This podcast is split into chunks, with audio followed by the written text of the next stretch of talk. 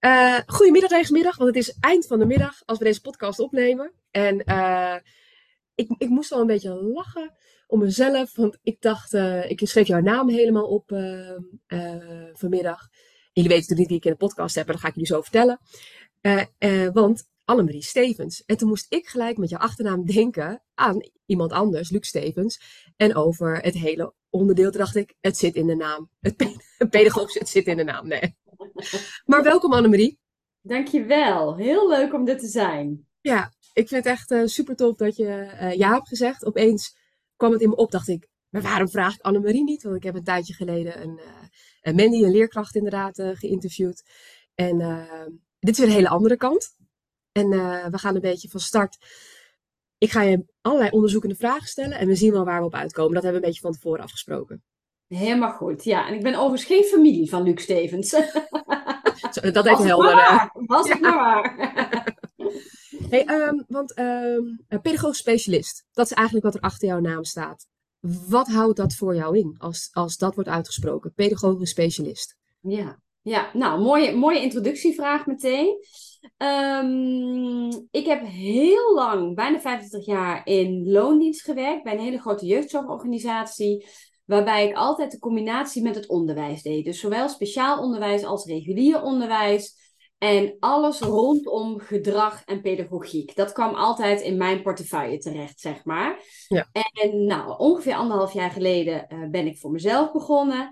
En toen dacht ik, wat dekt nou de lading het beste? En daar kwam eigenlijk pedagogisch specialist uit. Omdat de pedagogische kant van het onderwijs Mhm. En daar uh, um, heb ik heel erg de visie op dat dat ook een specialisme is. Dat daar vaak iets te makkelijk over gedacht wordt. Um, en dat maakte dat we eigenlijk uitkwamen op dat de lading het best gedekt zou worden met de naam pedagogisch specialist. Ja. Hey, en als ik dan aan jou vraag, hoe, um, er wordt af en toe iets te makkelijk over gedacht. Wat, wat merk jij op in de praktijk? Nou, wat ik zie in het, in het dagelijks werk, want ik kom dus op heel veel scholen. Ik werk met heel veel scholen samen op verschillende vlakken. Nou, daar komen we misschien straks nog wel in het gesprek op. Maar wat ik zie is dat um, we heel erg bezig zijn met de didactische kant. Ja. En zorgen dat de resultaten goed zijn. En zorgen dat die kinderen aan de slag zijn. Dat de zelfstandigheid, uh, de autonomie, de zelfredzaamheid, dat dat allemaal gestimuleerd wordt. Maar dat we soms vergeten dat kinderen dat moeten leren. En dat het gaat over zelfstandig werken, dat dat niet iets is, hè, om even een voorbeeld te geven, waar een kind mee binnenkomt op school. Dat is iets wat ontwikkeld moet worden. En dat door kinderen daarin te gaan helpen, werk je aan die pedagogische kant, zeg maar. En tegelijkertijd zie ik dat in heel veel klassen gedonder is, laat ik het maar even zo noemen. Ja, helemaal goed. ja, onderling gedonder ook. Hè? Dus heel erg reageren op elkaar, uh, meer bezig zijn met elkaar dan met de les of de lesstof. En ook dat vraagt een pedagogische aanvliegroute. Ja. Um, nou ja, en, en wellicht dat we later in het gesprek nog wel, wel uh, in kunnen zoomen op wat zijn dan belangrijk kernwoorden, kern Um, nou, kwaliteiten misschien ook wel, om te zorgen... Leg ze er maar in hoor, want, want we zijn er nou toch. Ja, zo we zijn er nou toch. Ja. Nou wat ik bijvoorbeeld zie als ik... Uh, um, dus ik geef scholing, ik, ik doe aan coaching, begeleiding, alles op dat pedagogische klimaat. En wat ik dan zie is dat een leerkracht knijterhard aan het werk is, mm -hmm. maar dat ze eigenlijk vergeten om echt contact te maken met hun leerlingen. Mhm. Of uh, vergeten om eens na te denken over wat zijn nou echt regels in mijn klas? Wat zijn veel meer afspraken?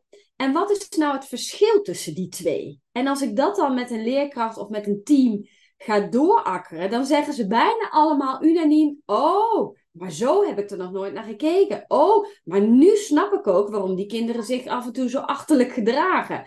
Want dat zijn letterlijk de, de, de, de woorden die leerkrachten gebruiken. Dus ik denk, ja, maar het gaat niet over achterlijk gedrag. Het gaat erover dat het aan de voorkant niet goed geregeld is, of mm geregeld kan mhm. worden. Waardoor kinderen ook beter snappen wat er van hun verwacht wordt als het gaat over gedrag. Wat maakt dat ze het vergeten? Wat maakt het leerkracht het vergeten? Ik denk zo. Nou, ik, het heeft een aantal redenen. Een van de redenen die meteen in me opkomt, is opgeslokt worden door alles wat er op hun to-do-list staat. Mhm. Ik vind het onderwijs echt topsport. Ehm, ik, je moet van zeer goede huizen komen, wil je overeind blijven in het onderwijs op dit moment. Mhm. Ehm, dus het druk zijn met ellenlange to-do-lijsten ehm, zorgt ervoor dat je vergeet om echt contact te maken met je leerlingen. Ja. Maar wat ik ook zie, is dat we met z'n allen toch ook in een soort overprikkelde maatschappij le- leven. Eh, dat niet alleen die kinderen overprikkeld zijn, maar dat die leerkrachten vaak ook overprikkeld zijn. Waardoor ze een korte lontje hebben, waardoor ze echt wel willen, maar het lukt niet, omdat ze zelf ook niet meer in staat zijn om echt vanuit verbinding te werken. Ja. Dus Wat, is... Ja? ja, Sorry. dus een stukje rust terugbrengen bij jezelf en Ja. daarmee ook bij je leerlingen, Ja. eh, vind ik wel een van de, van de basispijlers van een, een positief en veilig pedagogisch klimaat. Wat zie je bij een, eh, eh, in een klas, laat ik het dan zo benoemen, of op een school, zonder het gelijk op de leerkracht te betrekken, waarvan jij zegt, maar hier is echt contact. Wat is dan wat jij ziet, voelt, ervaart? Ehm, dat de leerkracht bezig is met een kind iets willen leren, Mhm. in plaats van een les geven. Ja, dat is een mooie. Snap je dan het verschil wat ik bedoel? Hè? Dus je kunt van A tot Z een les voorbereid hebben. En bij heel veel leerkrachten gaat daar ook gruwelijk veel tijd in zitten. Mhm. Met de beste intenties. Hè? Want ik, ik, weet je, ik heb kom maar weinig leerkrachten tegen die daadwerkelijk zeggen: Nou, die leerlingen kunnen me gestolen worden. Iedereen wil het beste voor zijn leerlingen. Mhm. Maar er wordt soms ook tijd gestopt in de verkeerde dingen. Ja. En dan is het geven van een les iets anders dan de intentie: ik wil mijn leerlingen iets leren. Op, En- ja, ja? op hun niveau, op hun ehm, belevingswereld, eh, aansluiten op, op betrokkenheid. In plaats van, ja, maar ik moet nu deze les geven. Dus dat is wat je ziet. Je ziet een leerkracht die aansluit bij de leefwereld van een kind, die betrokken is. Die, dat is Ja. dus wat je ziet letterlijk Ja. in een leerkracht. Ja, nou wat misschien een mooi voorbeeld is, wat ik onlangs nog weer zag. eh, dat is een school die heeft gekozen voor de methode de vreedzame school. Nou, die is natuurlijk op heel veel scholen wordt de vreedzame school gegeven. Er zijn ook andere hè, modellen en methodes. Maar de vreedzame school wordt op veel scholen ingezet. Mhm. En dan zie ik die leerkracht heel braaf het boek volgen, de, de Ja. klokken volgen. Dus die les, daar is didactisch niet zoveel op aan te merken. Maar als ik zie wat er in die groep gebeurt en wat er op een gegeven moment aan onrust ontstaat en aan, aan ja, geklooi onderling en gedoe onderling, waardoor die leerkracht A, een beetje gefrustreerd raakt. Want waarom luisteren ze nou niet? Waarom doen ze nou niet gewoon leuk mee? Mhm. Ehm, en eenzelfde, of eenzelfde les door een andere leerkracht, waarbij die leerkracht precies gaat eh, duwen op die puntjes die ze voor zich zien. Dit is wat er nu gebeurt. Wat doet dat met de ander? Wat denk je dat het met mij doet? Dus het leven gebruikt om uiteindelijk de kern van de vreedzame school toe te passen. Mhm. Dat vind ik dus een echt een verschil tussen wel of niet contact maken. Ja. En dat is, dat is op groepsniveau, hè? En zo Ja. heb je natuurlijk ook nog wel dingen op individueel niveau. Nou, ja, helder. Ja, we kunnen zeggen, dat is helemaal, eh, dat, dat, die is helder. Wat maakt dat jij het zo belangrijk vindt, dat er contact is? Wat, Ehm, ja, mijn visie is heel erg: ieder kind wil geliefd zijn. Ieder kind wil echt toe doen. Ieder kind wil van betekenis zijn. En op het moment dat een kind ongewenst gedrag laat zien, hè, want dat is waarom ik natuurlijk heel vaak ingevlogen word, dat er veel ongewenst storend gedrag is, eh, dan wil een leerling ons hier iets mee vertellen. Dus ik begin ook heel vaak met achter dat gedrag kijken. Ja, hij praat er doorheen. Ja, hij gaat niet aan het werk. Ja, hij is storend. Maar wat wil hij ons nou eigenlijk vertellen? Ik vind het te moeilijk. Ik vind het te makkelijk. Ik voel me hier onzeker over. Ik heb geen overzicht. En als je achter dat gedrag gaat kijken, dan maak je contact en verbinding. En dan weet je ook wat je vaak moet doen. Want dat is wat ik dan heel vaak te horen krijg als hulpvragen van zeg me nou maar gewoon wat ik moet doen met dit kind. Ja. ik heb ook geen toverstaf en ik heb ook geen hoge hoed waar ik de oplossing uit haal. Maar door vanuit contact en verbinding achter dat gedrag te gaan kijken, wat wil je ons nou eigenlijk vertellen, hebben we heel vaak goud in handen. Want dan weten we, oh maar dit is waarom die het doet. Of mogelijk speelt dat een rol. En dan kun je veel ehm, beter ook je interventies plaatsen, waardoor dat ongewenste gedrag veel meer naar de achtergrond verdwijnt. Wat maakt jou zo sterk in dat stukje observeren, dat contact, dat verbinding, juist dat pedagogisch specialist zijn? Oeh, een goede vraag. Ehm, wat maakt mij zo sterk?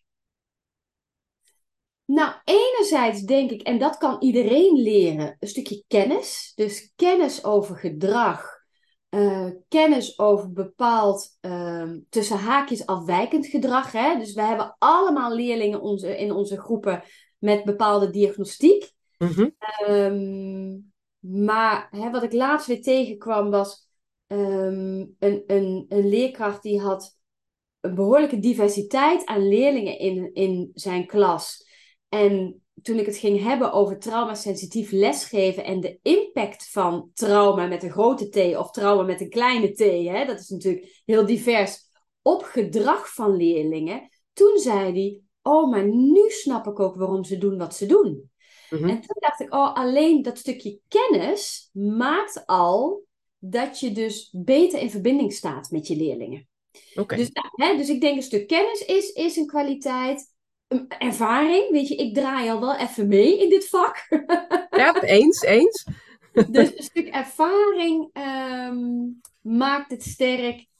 En misschien ook wel, maar dat is iets wat ik eigenlijk pas de laatste, ja, misschien twee, drie jaar een beetje bij mezelf heb ontdekt. Is ehm, als je jezelf goed kent, uh, of steeds beter leert kennen en je weet hoe je zelf in elkaar zit, kun je ook veel meer van betekenis zijn voor de ander. Wat heb je ontdekt de laatste tijd aan jezelf? Oeh, heb je even? nou ja, weet je, ik ben zelf heel erg bezig op dit moment, omdat ik het weer interessant vind. En ik ook vind dat we daar wat mee moeten in het onderwijs. Over dat stukje breinkennis, dus de breinprogrammeringen. Um, wat neem je mee vanuit je eigen jeugd. Hè? We weten bijvoorbeeld dat, dat tussen je geboorte en zelfs iets voor de geboorte en je achtste levensjaar vinden de meeste breinprogrammeringen plaats. Dus alles wat er ingestopt wordt door je ouders, door leerkrachten, door vriendjes, alles wat je ervaart in die eerste acht jaar van je leventje, bepaalt voor een heel groot deel hoe jij op latere leeftijd gaat reageren op situaties. Omdat we dat heel erg vanuit dat onderbewuste doen. Ja. En toen ik daarna op zoek ging van, um, nou, wat vind ik bijvoorbeeld irritant aan mezelf? Um, en waar zou dat mogelijk vandaan komen? Ja. Um, nou ja, toen ontdekte ik wel dat, dat ik het blijkbaar om een of andere reden belangrijk vind dat ik van betekenis ben. Dat, ja, ik, mooi. dat ik waarde lever aan de ander. En op het moment dat je, denk ik, in het onderwijs stapt. Nou, ik denk A, dat je totaal niet weet waar je aan begint als je net van school komt. Ja, eens, eens.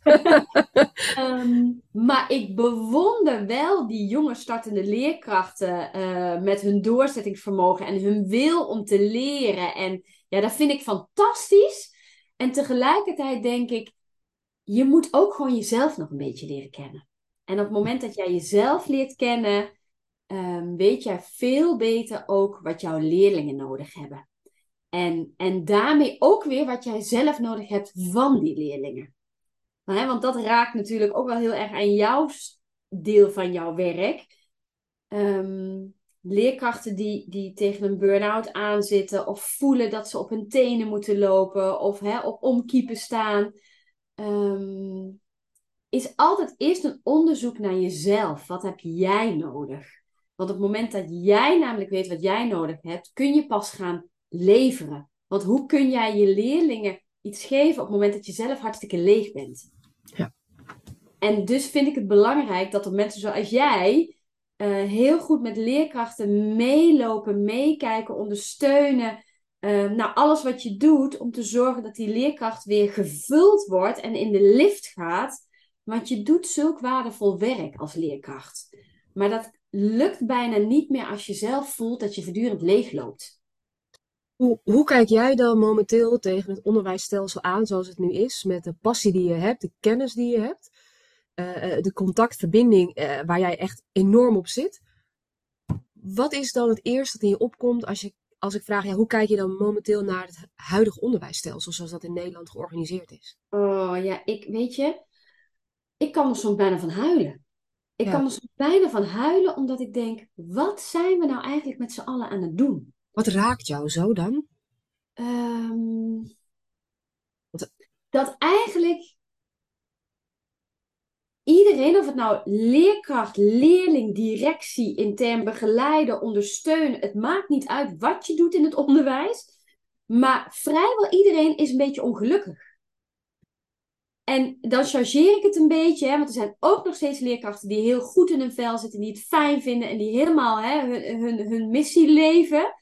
Maar dat we zo'n groot lerarentekort hebben, dat zoveel procent van de leerkrachten op omvallen staat of al omgevallen is, vind ik zo zorgelijk. En waarom dat precies in zit, daar kan ik ook niet één ding in aanduiden. Maar, maar hè, de prestatiemaatschappij speelt daar zeker een rol in. Dus laten we alsjeblieft stoppen met al die achterlijke toetsen. Ehm, en dat betekent niet dat ik anti-toetsen ben, maar wel in de hoeveelheid en wat er getoetst wordt. Mag ik een voorbeeld geven? Ja, zeker. Want ik, ja, heel graag. Ik merk dat, je het je, dat het je passioneert. Ik, ik ben heel graag, ja. Ja. Nou, mijn, mijn oudste zoon, die is inmiddels 17, hè, dus dat is een stevige puber, die doet Agora-onderwijs. Agora-onderwijs is, is redelijk nieuw in Nederland en het is niet dat wij er als ouders voor gekozen hebben, maar hij wilde dit zelf heel graag. En Agora, heel in het kort, is geen vakkenpakket, geen lesrooster, geen toetsen, geen huiswerk, maar het gaat heel erg over um, jezelf leren kennen, over um, door middel van challenges de wereld leren kennen, kennis tot je nemen. Um, nou, uiteindelijk zit hij, gaat hij nu naar 6 VWO na de zomer. Mm-hmm. Maar hij moet wel zijn reguliere examen doen. Want ja, dat stelsel is nog steeds zoals het is. Dus hij moet nu eigenlijk in anderhalf jaar tijd... Um, gaat hij de kennis tot zich nemen... Um, die hij uiteindelijk volgend jaar mei in een examen moet reproduceren. Daar wordt hij op afgerekend. Nou had hij in dat traject, moest hij een creatieve opdracht doen. Daar had hij een broertje dood aan. Hij heeft echt zijn best gedaan. Hij heeft er tijd aan besteed. Hij heeft moeite gedaan. Heb ik allemaal gezien. Dus ik kan echt zeggen, heeft hij goed gedaan. Daar werd hij op afgerekend met een 5. Nou, daar vond hij wat van, want ik heb er toch superveel energie in gestopt en ik ben daar gewoon niet zo goed in en ik vind het eigenlijk ook helemaal niet zo leuk. En hij moest ook een verslag schrijven over het proces. Daar had hij een 9 voor, want hij is talig sterk, hij kan goed reflecteren, kan goed dingen onder woorden brengen. Vervolgens krijgen we een, een soort tussencijferlijst. En zie ik voor dat vak die 5 staan. Dus ik vraag aan hem, maar, maar je had toch voor die ander een 9? En zegt hij, maar dat telt niet mee. Ja, dan word ik dus als moeder bijna gek. Oh, en, niet om, ja. en, niet omdat ik vind dat hij een hoger cijfer moet hebben, want als dit het is, dan is dit het. Maar dat ik denk, waarom moet hij dit doen? Hij krijgt er ook een cijfer voor. Nou, daar vind ik al wat van, maar goed, dat voert te ver. En vervolgens telt het niet mee, want hij wordt alleen afgerekend op dat creatieve deel, wat hem gewoon niet zo ligt. Terwijl zijn talent, daar wordt dus niet naar omgekeken.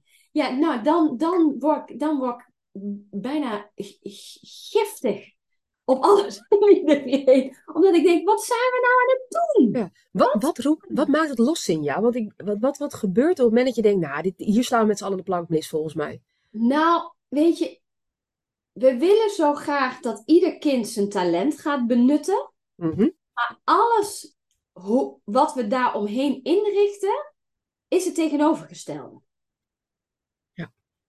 En dat is wat mij dan zo triggert. Dat ik denk, we willen graag wendbare, flexibele, veerkrachtige, sterke persoonlijkheden creëren in het onderwijs.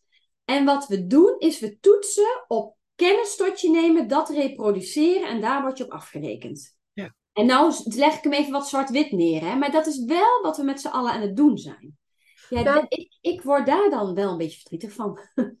Ja, maar ik, ik, ik, ik denk dat hij wel mooi. eh, eh, hij komt in me op. Ik moet eerlijk zeggen dat ik eigenlijk niet ben stilgestaan. Maar ineens komt in mij het artikel op LinkedIn op. Je hebt hier zeg maar. Nu vertel je heel duidelijk een mening. Het, het raakt zeg maar jou. En je legt hem neer. Eh, ik, ik vind hem hè, met kennis en alles onderbouwd. En je kunt het mee eens zijn of niet. Maar er zit wel een fundament onder. Laat ik het dan zo Mhm. zeggen. En eigenlijk doe je dat exact hetzelfde in een heel mooi artikel op LinkedIn. wat opgepakt wordt op een vrij, nou ja, mijn mening, negatieve manier eh, door eh, LinkedIn eh, bezoekers. Mhm. Ehm, en vervolgens wordt dit uitgebracht in de krant over ook een mening die jij hebt, waarvan ik denk, daar zet je hem wel neer. Hij is onderbouwd. Je kan wel vinden wat je, maar hij raakt daar exact aan volgens mij. Klopt dat?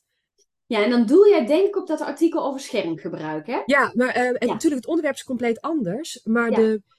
dezelfde passie, dezelfde drive, maar ook dezelfde, hetzelfde fundament wat je eronder legt, zie ik daarin terug. En ik, ik vroeg me, Ja. klopt dat als ik dat zo eh Ja, ik denk het wel. Er zijn natuurlijk een aantal eh, onderwerpen, topics, waar we als mensen, dus ook ik, Ja. in mijn werk, waar ik op aanga.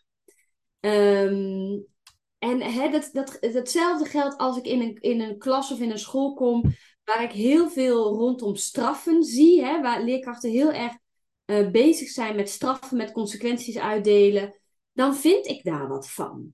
Ja. Omdat ehm, ik ervaren heb in al die jaren dat ik dit werk doe, ehm, en tot op de dag van vandaag nog steeds zie dat, dat je leerlingen daar niet zoveel verder mee helpt. En daarmee zeg ik niet dat je nooit een consequentie moet koppelen aan bepaald gedrag of nooit een keer naar straf moet grijpen om een kind iets te leren, hè? want dat moet dan het doel zijn. Maar het moet niet je eigen frustratie worden, omdat Mhm. jij eigenlijk niet meer weet wat je met een bepaalde leerling aan moet. En dus maar zegt, ga maar naar de directeur. Of ga maar strafregels schrijven. Of ga maar bij de IB'er. Of ga maar op de gang. Want dan is het jouw frustratie, die soms volkomen terecht is. Hè? Dus dat wil ik graag uit elkaar halen. Ik snap de frustratie. Ik snap dat je als leerkracht soms denkt: ik weet niet meer wat ik nu nog moet doen om dit kind mee te laten bewegen. En ik heb er nog 30.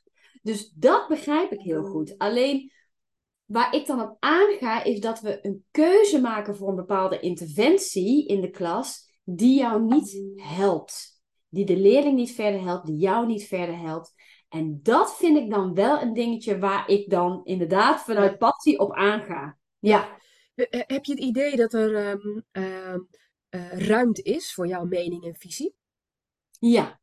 Ja, want ik denk dat ik het anders niet zo druk zou hebben. Nee, eh, eens. Nee, maar- want je doet het fantastisch. Ja, ehm, ja, zeker. Maar ik zie ook dat schoolbesturen zoekende zijn in. ehm, maar hoe doen we dat dan? Dus hoe zorgen we nou dat we een veilig en positief klimaat neerzetten? Want iedereen wil het.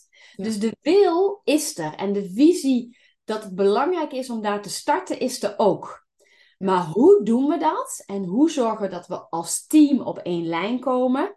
Eh, hoe hou je ook ruimte voor autonomie en, en eigenaarschap en, en eh, eigenheid van de leerkracht? Want die vind ik namelijk wel heel erg belangrijk om die overeind te houden naast dat je als school een bepaalde visie uitdraagt. Eh, daar zijn scholen zoekende in. Dus dat- en, ehm, is dat ook eh, waar jij schoolbesturen in helpt? Dus, dus de, de zoektocht daarin? Ja, maar eigenlijk weet ik eigenlijk altijd het antwoord wel. en dat bedoel ik niet arrogant, maar ik hoor soms vier, vijf keer in de week hetzelfde verhaal, dezelfde zoektocht. Dus nou ja, gelukkig ook, hè, door de ervaring die, die ik heb, weet ik vaak wel waar ze moeten beginnen. En dan kan er op nuance echt nog wel verschil tussen scholen zitten. Dus ik wil ook Mhm. altijd heel graag een, een dag gaan kijken om te proeven, om te voelen, hoe doen jullie dit hier? Ehm, en laatst had ik het idee bij een school op basis van het gesprek met de directie dat ik, nou, hè, ik had wel een beetje een idee van hoe dat zou gaan in die school. En vervolgens kom ik binnen en dacht ik, oh, maar dit kwam niet uit ons gesprek. En dat was bijvoorbeeld dat er zo gruwelijk veel onrust in die school was. Door alle spullen die overal stonden, hingen, lagen. Ehm, en dat was nog niet einde schooljaar, want dan snap ik hem nog. Ja, dan, dan, dan, dan, dan, is het terecht. ja, ja, precies. Vind ik er nog wat van, maar oké. Uh, dat ik dacht, maar dit verklaart voor een heel groot gedeelte waarom het bij jullie op school gaat zoals het gaat. Dus dan kom je daar en dan denk ik, oh, met het verhaal wat ik dan heb van directie en vervolgens hè, wat ik zie door als nieuw, fris iemand is binnen te kijken en dat te kunnen teruggeven aan een, aan een directie of aan een team, um, dan zijn dat de verschillen waar je ook daadwerkelijk verschil op kunt gaan maken voor een school. Ja. ja. Wat, um, wat is eigenlijk het grootste goud dat er vaak verstopt ligt op scholen? Waarvan je zegt, dat zien ze helemaal niet, maar, ze hebben, maar, maar het is er al. Maar er wordt geen gebruik van gemaakt. Ja, ik denk de kracht van de leerkracht zelf. Ja. Dus als die leerkracht maar weer in zijn kracht gaat staan en niet op controle, op beheersing gaat zitten met een groep, maar dus wederom vanuit contact en verbinding kinderen leren. Ja, mooi. Ja, mooi. Dat is het volgens mij het goud. Dat is echt het goud. Maar daar, daar, daar kom je alleen bij als jij als leerkracht voelt dat je dus in je kracht staat en dat je niet op controle hoeft te gaan zitten. Ja. En, en um, uh, je ziet heel veel scholen, je ziet veel leerkrachten, je bent veel in gesprek volgens mij ook met ouders. Uh, um, wanneer kom jij tot rust? Als mens bedoel je? Ja, gewoon als jij zeg oh. maar even niet werkt. En natuurlijk, hè, je hoofd zal vast echt op andere momenten ook wel aanstaan. Maar wat is jouw moment dat je als ware even jouw uh, deur dicht doet? Ja. Um, ik loop heel veel, ik wandel heel veel. We zitten nu een weekje voor de Vierdaagse en ik ga met mijn jongste zoon de Vierdaagse lopen. Oh. Dus we hebben de afgelopen maanden aardig wat kilometertjes gemaakt. En ik kom net twee dagen terug uit de bergen. Dus ik ben met een vriendin vier dagen een huttentocht gaan lopen. Dus buiten zijn, in de natuur zijn en in die natuur in beweging zijn. En of dat dan trailrunning is of hardlopen of wandelen, dat maakt me nog niet eens zo heel veel uit. Uh, dat is wel echt waar ik van tot rust kom. En lezen. Weet je, lezen is voor mij ook niet onderhandelbaar. Ik lees elke dag. Oh, echt? Echt. Wauw. Ja. En soms is het een uur, en soms is het anderhalf uur, en soms is het maar een kwartier, maar ik lees elke dag. En wat ligt er momenteel bij jou uh, op de boekenplank, wat je momenteel aan het lezen bent? Ja, ik, ik lees zowel uh, professioneel als, als ontspannend, zeg maar. Ja ik ben nu net begonnen in, in een thriller. Ik heb al denk ik vier, vijf jaar geen thrillers meer gelezen. Ik weet niet eens wie hem geschreven heeft, maar het was een tip van mijn zus. Um, dus ik lees nu een thriller. Uh, waar ik daarvoor ook best wel vaak thrillers had, maar nu al jaren niet meer. Maar ik vind, hè, wat, wat, nou ja, de, de, de wat historische romans of, of hè, de, de, waar ik ook heel erg van hou zijn de, de biografieën over mensen die in, in, in de wildernis overleefd hebben. Of ja, daar smul ik van. Hè? Bergbeklimmers, dat soort dingen. Omdat ik echt, echt de bergen, ja, dat is waar ik het allerliefste ben. Ja, mooi. Uh, dus dat is heel uh, fijn. En professioneel gezien um, lees ik nu heel veel over breinontwikkeling. Breinkennis, ja. breinontwikkeling. Maar um, vind ik boeken over gedrag, over pedagogiek, over opvoeding in zijn algemeenheid. Hè? Want ook als professional, wij als leerkrachten, wij als professionals, um, nou, doen ook aan opvoeden. Um, op een bepaalde manier. Dus dat, daar, dat vind ik ook altijd heel leuk om te lezen. Nou ja, en er zitten pareltjes tussen en er zitten draken van boeken tussen, maar... Uh... ja. ja, soms kun je ergens denken van, nou, hier ben ik het niet mee eens, maar er zit inderdaad... Uh, ja. ja. maar ook dat is prima om te lezen, hè? Want dan denk ik, ja, dat vormt mij als professional ook weer. Ja, ja helder. En, en dan heb je... Uh, uh, hoe is dat een handige insteek? Als ik dan naar jou vraag, hè, waar sta jij over vijf jaar? Oeh, ja, nou ja, wij hebben dezelfde business coach, hè? Dus... Oh niet vanuit die visie hoor, maar gewoon vanuit van, hé, hey, wat, wat, wat, wat is er dan? Wat er dan ja, want zij, Ja, zij vraagt dan natuurlijk ook nog wel eens naar, maar zij vraagt inderdaad vaak hè, eh, strategisch en business-wise, terwijl ik hem nu ook veel vaker voel als mens. Um, en vijf jaar. Um, nou, ik hoop dat ik met mijn bedrijf, zoals ik het nu vormgeef, hè, dus dat stukje ja, positief, veilig pedagogisch klimaat, dat ik daar, daarmee heel veel scholen mag inspireren en motiveren om daar iets mee te doen. En wat dat is, maakt me dan nog niet eens zo heel veel uit. Hè? Dus ze hoeven niet per se klant bij me te worden. Maar ben je bewust van het feit dat kinderen tot leren komen op het moment dat ze in een veilige omgeving zitten? En die veilige omgeving kun jij als leerkracht creëren. Ook als het thuis hommeles is. Ook als je op een school werkt waar een populatie zit die, nou, op zijn zachtst gezegd, pittig is. Hè? En ik ben dan zelf ook een beetje allergisch voor de uitspraak. Ja, maar onze populatie is anders. Nee, op geen enkele school is de populatie anders. Um, jij kunt verschil maken. En ik hoop gewoon dat ik heel veel leerkrachten uh, op die manier kan inspireren, motiveren, uh, ondersteunen waar nodig. Om dat vuurtje weer heel erg te voelen. Jij kunt echt het verschil maken. Ben je van plan zelf een boek te schrijven, Annemarie? Uh, nee. nou, het is grappig dat je dat zegt, omdat onlangs iemand mij daar dus ook een vraag over stelde en ik daar nog nooit over nagedacht heb. Omdat ik de overtuiging heb dat ik helemaal geen goede schrijver ben. los daarvan, ik, heb, ik ken een business coach boek die dat ook. Uh, ja, precies. volgens mij zegt Veronique ook. Nou, nee, dat is niet helemaal waar. Ze schrijft zoals, uh, zoals ze praat, inderdaad. Ja, ja. Maar uh, hoe zou het zijn? want dat is eigenlijk de, de, de verbinding die ik maak in mijn hoofd. Als Pabo-studenten. Daarmee aan de slag zouden gaan. Ja, nou, ik heb onlangs um, op de Pabo in Nijmegen een, een college mogen geven aan een hele grote groep eerste en tweedejaars studenten. En dat ging echt over uh, het neerzetten van dat veilige, positieve pedagogische klimaat. En hoe belangrijk dat is. En dat je daar eigenlijk pas vervolgens je lessen en alles wat je leert op school op kunt leggen. Dat dat niet los kan van elkaar. En toen kwamen er een aantal studenten naar me toe en dat vond ik heel aandoenlijk. En die zeiden, mevrouw, ja, dan word ik al een beetje ongemakkelijk. Omdat ik denk, oh, zeg maar gewoon je en jij en mevrouw, mevrouw. Vind ik al heel... Maar goed, ook wij worden ouder. Ja, dat, dat heb je niet in de gaten, hè? Pas als, je, als je daar komt, dan denk je, oh ja, ik ben toch een van jullie? Maar dan ben je niet meer.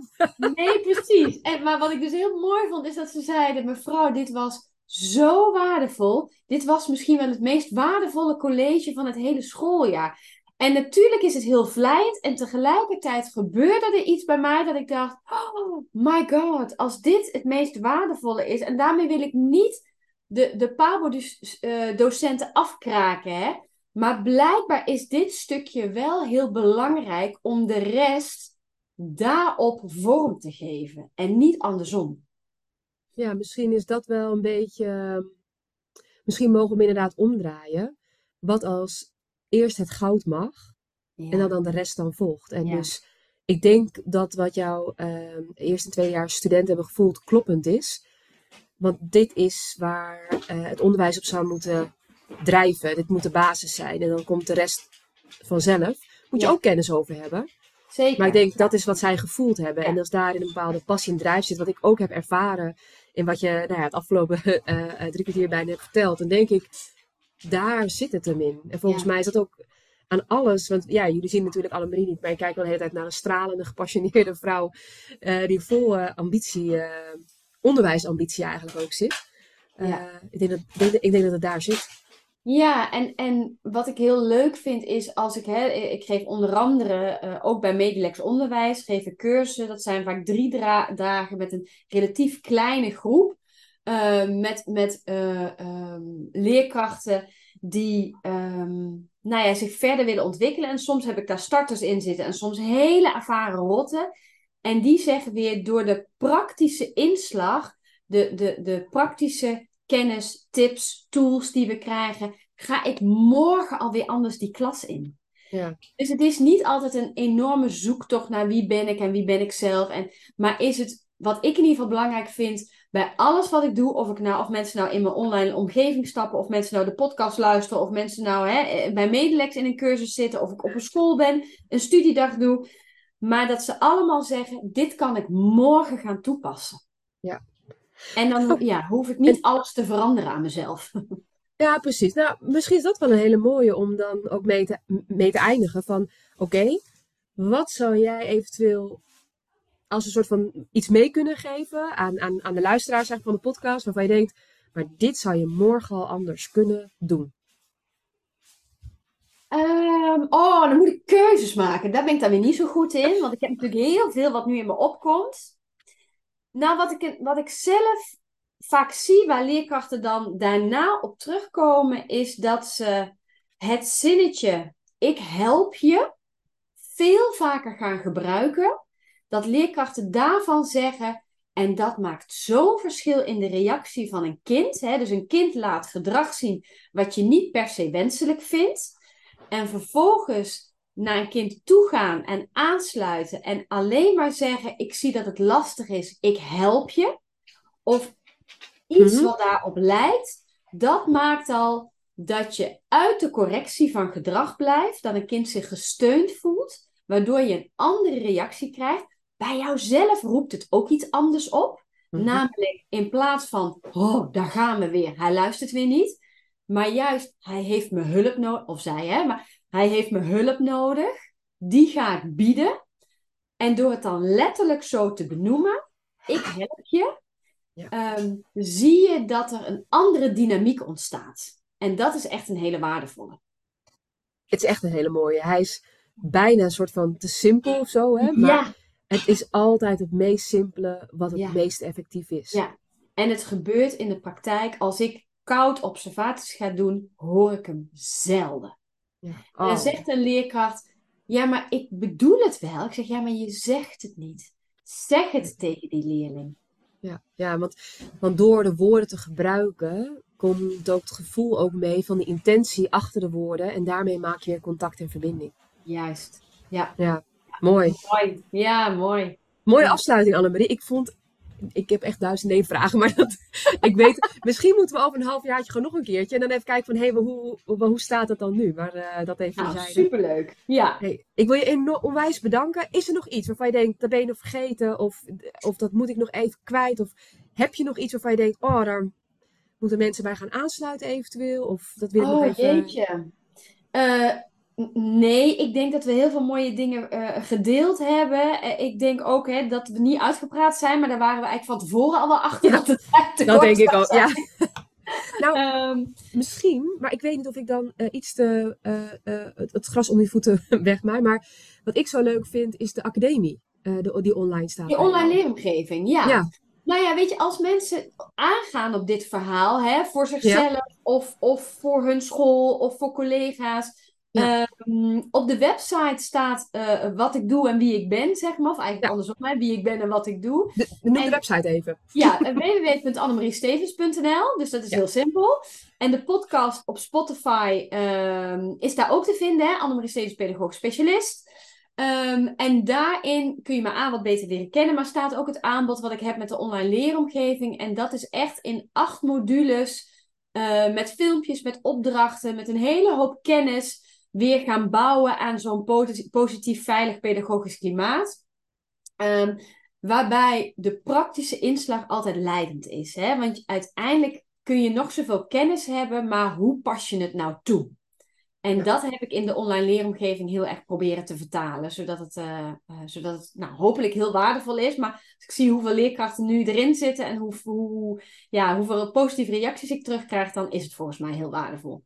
Nou, super tof. Nou, ik denk dat hier wel nog inderdaad graag, graag benoemen, want ik denk dat dat echt wel heel waardevol is. Leuk, dankjewel. ik, ik geef je een, even een uh, digitale knuffel. En wij zien elkaar inderdaad zeker op een ander moment weer.